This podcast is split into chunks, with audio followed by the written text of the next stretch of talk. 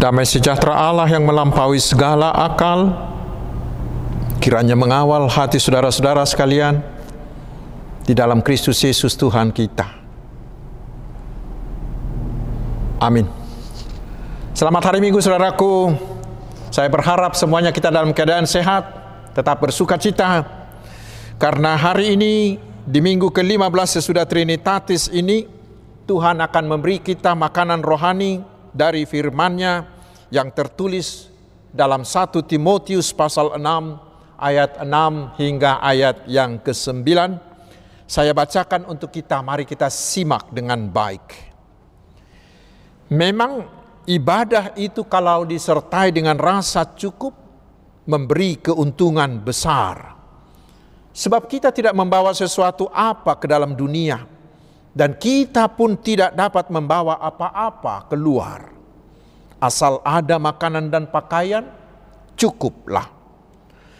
Tetapi mereka yang ingin kaya terjatuh ke dalam pencobaan, ke dalam jerat, dan ke dalam berbagai-bagai nafsu yang hampa dan yang mencelakakan, yang menenggelamkan manusia ke dalam keruntuhan dan kebinasaan. Demikian firman Tuhan.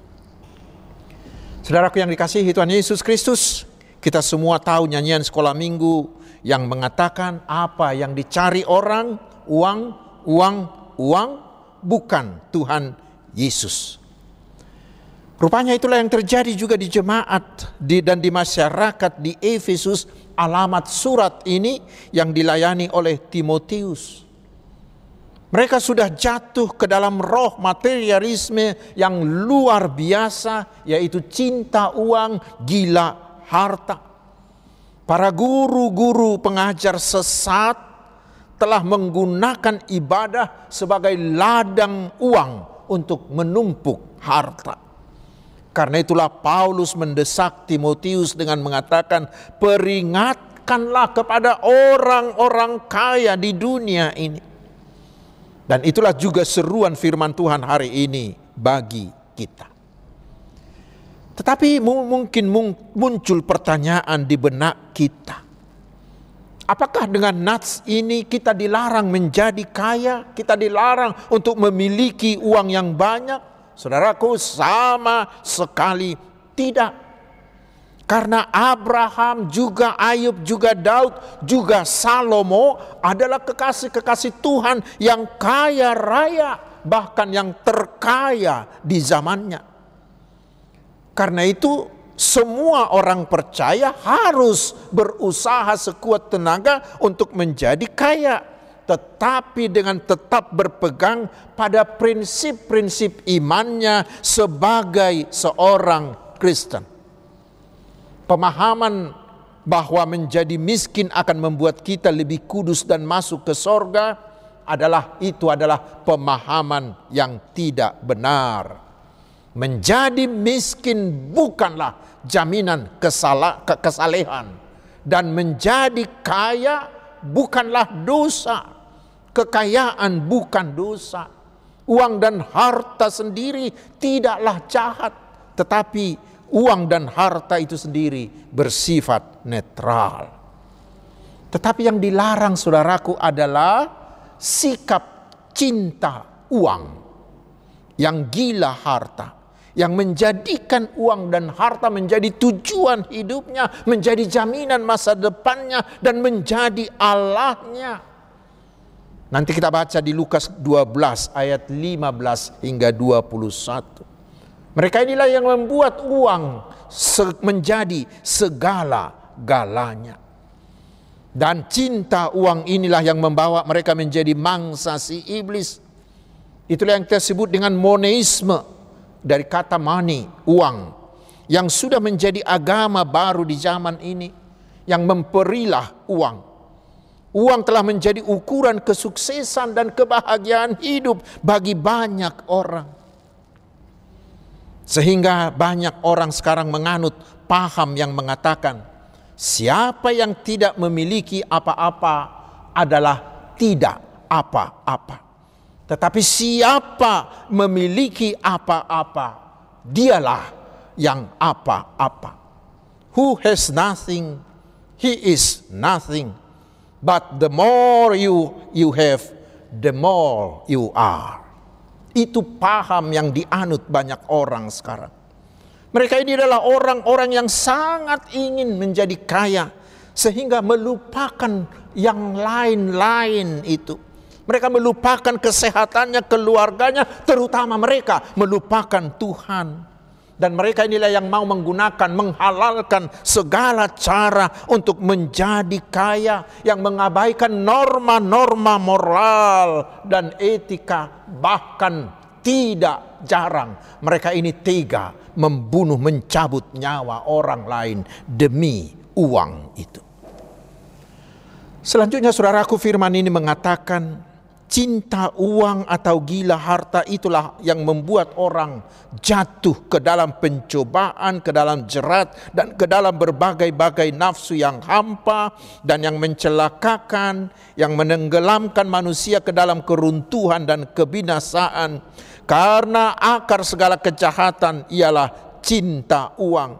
Sebab oleh memburu uanglah beberapa orang telah menyimpang dari iman dan menyiksa dirinya dengan berbagai-bagai duka. Ayat 9 hingga ayat 10. Tetapi ingat saudaraku, bukan uangnya, bukan hartanya itu sendiri yang salah atau yang jahat, bukan sama sekali. Karena ada yang mengatakan uang adalah hamba yang baik bila kita menguasainya menjadi tuannya. Tetapi uang bisa menjadi tuan yang kejam bila kita yang dikuasainya atau bila dia kita perbuat menjadi Tuhan kita. Dan inilah sikap inilah yang membuat orang menjadi tamak, menjadi rakus dan cinta uang. Pepatah Batak mengatakan bahwa uang itu habang somar habong mangicir somar pat ibanado na uburju alai ibana do na jumukat. Uang itu bisa terbang walaupun tidak punya sayap. Bila eh, bisa berlari kencang dan berkelit walaupun dia tidak punya kaki. Uang itulah yang paling baik. Tetapi dia jugalah yang paling jahat. Orang Tionghoa juga punya pepatah. Tidak ada tembok besi yang tidak dapat ditembus oleh peluru besi. Yang mereka maksud adalah uang. Dan pendeta, seorang pendeta HKBP, Bapak PM Sihombing almarhum pernah menuliskan, senapan bisa tidak meletus bila disumpal dengan uang. Palu hakim juga bisa tidak bi, bisa tidak diketukkan karena disumpali dengan uang. Cinta uang membuat orang hanya mementingkan diri sendiri. Bahkan menganggap orang lain itu sebagai alat pencari harta baginya. Mari kita coba lihat para koruptor itu. Atau kita lihat para pengusaha yang memberi upah yang sangat kecil bagi buruhnya. Sementara dia meraup untung yang sangat besar. Lihat itu para pengedar narkoba yang mau membiarkan orang mati demi dia meraup uang bagi dirinya. Lihat itu para para pelaku dengan investasi bodong itu. Juga orang-orang yang mau menjual diri. Juga seperti yang marak sekarang dengan judi online, dengan pinjaman online dan lain-lain.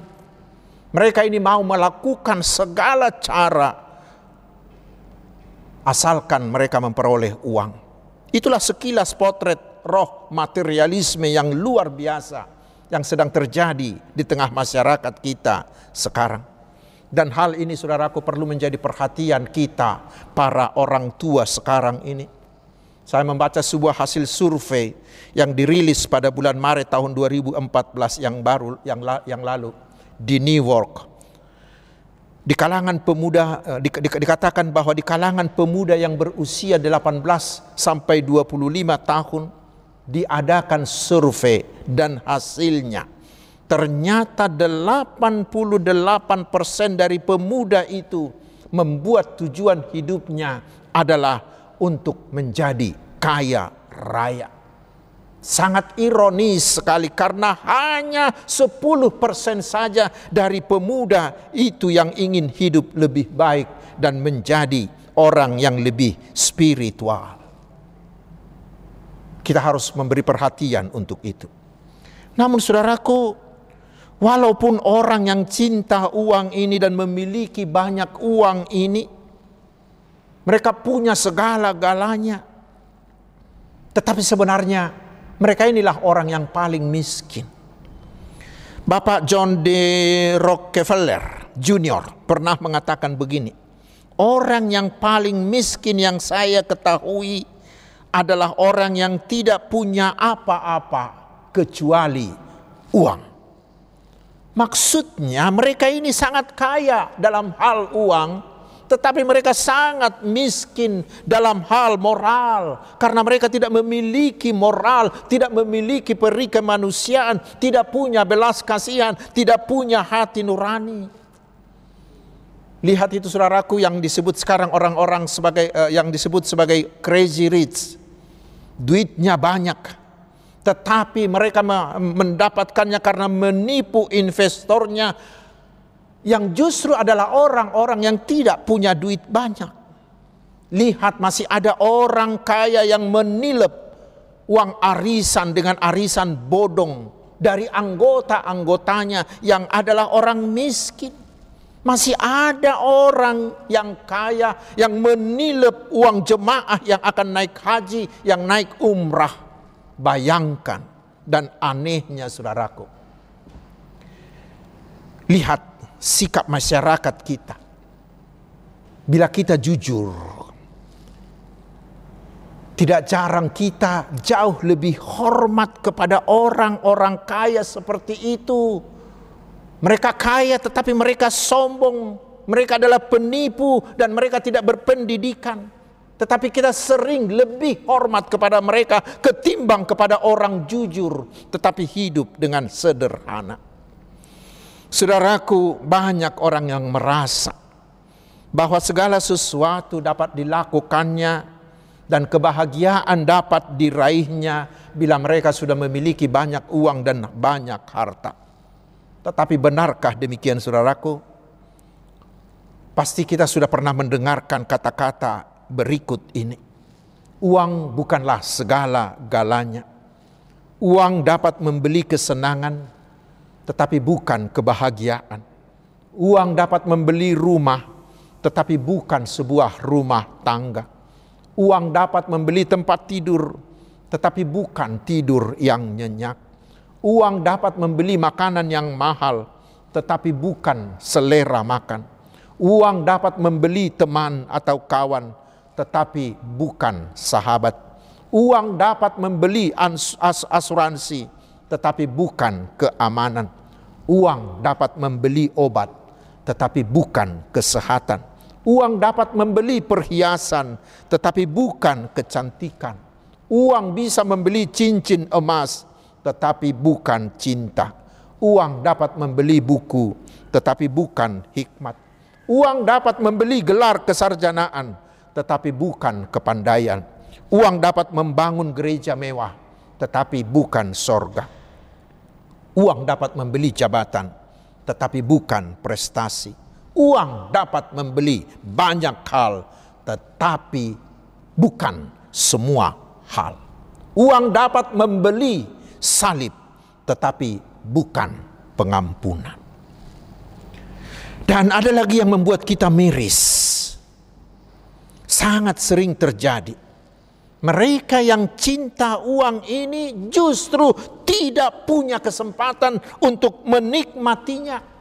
Itu kita baca di kitab pengkhotbah pasal 5 dan pengkhotbah pasal 6 yang mengatakan bahwa banyak orang yang memiliki banyak harta dan kenikmatan dunia lainnya tetapi mereka tidak bisa menikmatinya bahkan orang lain yang menikmatinya Coba lihat, banyak miliarder tetapi hanya bisa sarapan dengan hanya beberapa tetes kopi atau mungkin hanya satu sendok sereal atau sedikit telur, ironis bukan? Dia bisa membeli segala-galanya, tetapi dia hanya makan sesedikit itu. Mengapa mereka tidak bisa menikmatinya? Mungkin karena sumbernya yang tidak benar. Sehingga terjadilah seperti kata Pemeo yang mengatakan uang setan dimakan hantu.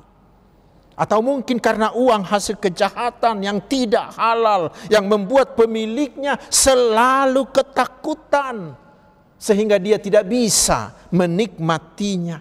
Bahkan keadaan itu menjerumuskan mereka ke dalam penjara yang membuat dia dan seluruh keluarganya menjadi malu.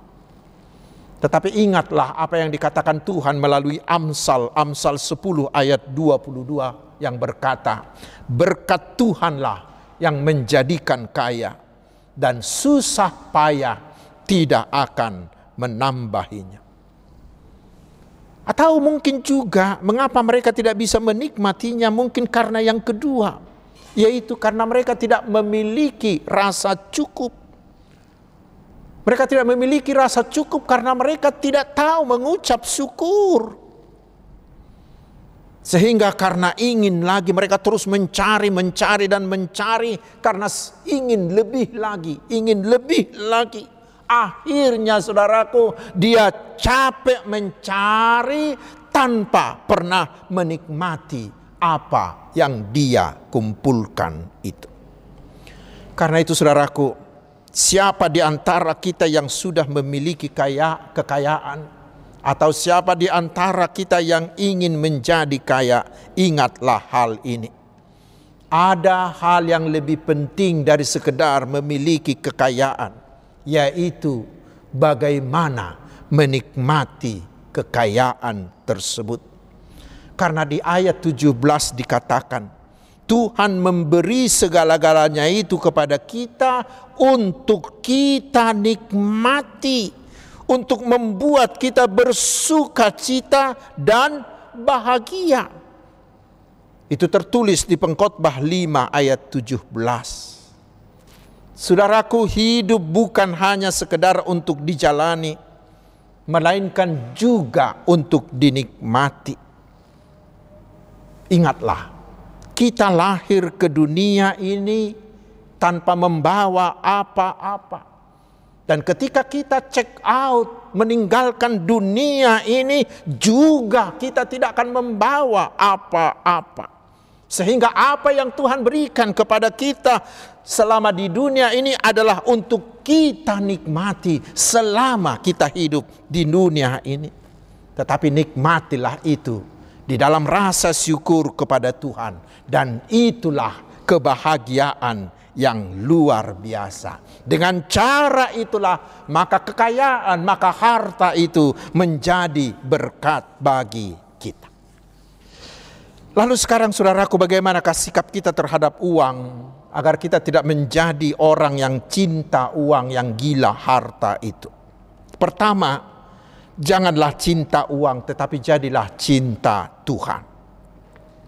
Karena Tuhan sangat mencintai kita sehingga Tuhan mau memberikan anaknya Tuhan Yesus Kristus untuk menebus kita dari dosa. Karena itulah Tuhan Yesus di Matius 6 ayat 33 mengatakan, tetapi carilah dahulu kerajaan Allah dan kebenarannya, maka semuanya itu akan ditambahkan kepadamu. Artinya, dahulukan Yesus. Jadikan dia yang utama dan yang terutama dalam hidupmu, maka yang lain-lain akan dicukupkannya untuk kita. Dan ketika kita cukup, itulah rasa nikmat yang luar biasa. Yang kedua, seperti ayat 6 dan ya, dikatakan di ayat 6 dan ayat 8 juga di Ibrani pasal 13 ayat 5. Mari milikilah rasa cukup. Tuhan Yesus mengajar kita berdoa dalam doa Bapa kami. Berilah kami pada hari ini makanan kami yang secukupnya. Mari saudaraku cukupkanlah dirimu dalam segala hal. Karena rasa cukup adalah harta dan kenikmatan yang tertinggi. Filsuf Aristoteles pernah mengatakan, happiness belongs to the self-sufficient. Kebahagiaan dimiliki oleh orang yang berpuas diri. Dan yang menentukan cukup itu bukanlah harta, bukanlah uang itu. Tetapi yang menentukan cukup itu adalah diri kita sendiri. Dan rasa cukup itu sendiri akan kita peroleh. Kita akan memiliki rasa cukup bila kita menjadi orang yang selalu mengucap syukur atas apa yang kita miliki.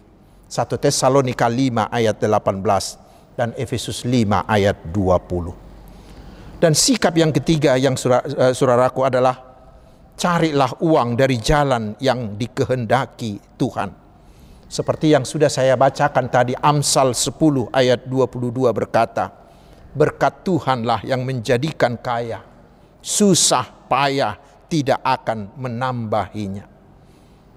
Itu juga dikatakan di ayat 17. Bila sumbernya dari jalan Allah, maka tidak ada susah payah yang berikut kepada harta kita itu. Dan keempat, Mari gunakanlah hartamu untuk mencari dan melakukan kehendak Tuhan. Mari kita baca di ayat 18 dan 19 dikatakan, Peringatkanlah agar mereka itu berbuat baik, menjadi kaya dalam kebajikan, suka memberi dan membagi, dan dengan demikian mengumpulkan suatu harta sebagai dasar yang baik bagi dirinya di waktu yang akan datang untuk mencapai hidup yang sebenarnya. Firman ini mengajak kita saudaraku agar menggunakan seluruh harta yang kita miliki itu untuk berbuat baik sehingga kita menjadi kaya dalam kebajikan dengan suka memberi, suka berbagi. Seperti Sakius orang kaya yang setelah menerima Yesus, dia mau menggunakan hartanya untuk melakukan kehendak Tuhan. Gunakan hartamu untuk membangun kebajikanmu. Gunakan hartamu untuk menjadi, mencari, dan melakukan kehendak Tuhan. Amin. Marilah kita berdoa. Ya Tuhan, sumber segala berkat, terima kasih atas firman-Mu hari ini. Kuatkanlah kami dengan rohmu agar jangan ada di antara kami yang gila atau cinta uang. Tetapi biarlah kami menjadi orang-orang yang cinta Tuhan, yang mau menggunakan segala pemberianmu untuk kami nikmati dalam rasa syukur dan rasa cukup serta menggunakannya untuk kemuliaan namamu. Ya Tuhan kami yakin dan percaya bila kami mendahulukan mencari kerajaanmu dan kehendakmu, pasti Tuhan akan melimpahi kami dengan berkat jasmani dan rohani dan pasti mencukupkan segala yang kami butuhkan. Ya Bapak di sorga berkatilah pekerjaan kami, juga keluarga, juga studi dan seluruh pelayanan kami. Kami mohon berilah kesembuhan bagi mereka yang sakit. Pulihkanlah kesehatan mereka. Kami mohon berilah jodoh bagi anak-anak kami yang sudah waktunya untuk menikah. Dan lancarkanlah segala rencana anak-anak kami yang berencana akan menikah. Dan kami memohon juga berilah kelahiran anak bagi keluarga yang sudah lama menunggu. Berilah pekerjaan juga bagi mereka yang sedang mencarinya dan berilah keberhasilan atas seluruh pekerjaan dan aktivitas kami yang sesuai dengan kehendakmu. Karena engkau adalah Allah yang maha kuasa. Engkau sanggup melakukan mujizat dalam hidup kami. Ya Tuhan Bapa di sorga hiburkanlah mereka yang bersedih. Kuatkanlah para korban bencana. Kuatkanlah mereka yang sedang mengalami pergumulan. Berkatilah juga bangsa dan negara kami agar tetap kokoh dalam persatuan dalam keberagaman dan semakin sejahtera. Berkati jugalah para hambamu ya Tuhan. Berilah mereka hikmat dan kekuatanmu agar mereka semakin bertenaga, semakin bersemangat memberitakan Injilmu dan melayani para domba-dombamu. Terpuji namamu ya Tuhan, kekal selama-lamanya. Di dalam nama Tuhan Yesus kami berdoa, tetapi kehendakmu lah yang jadi atas kami. Amin.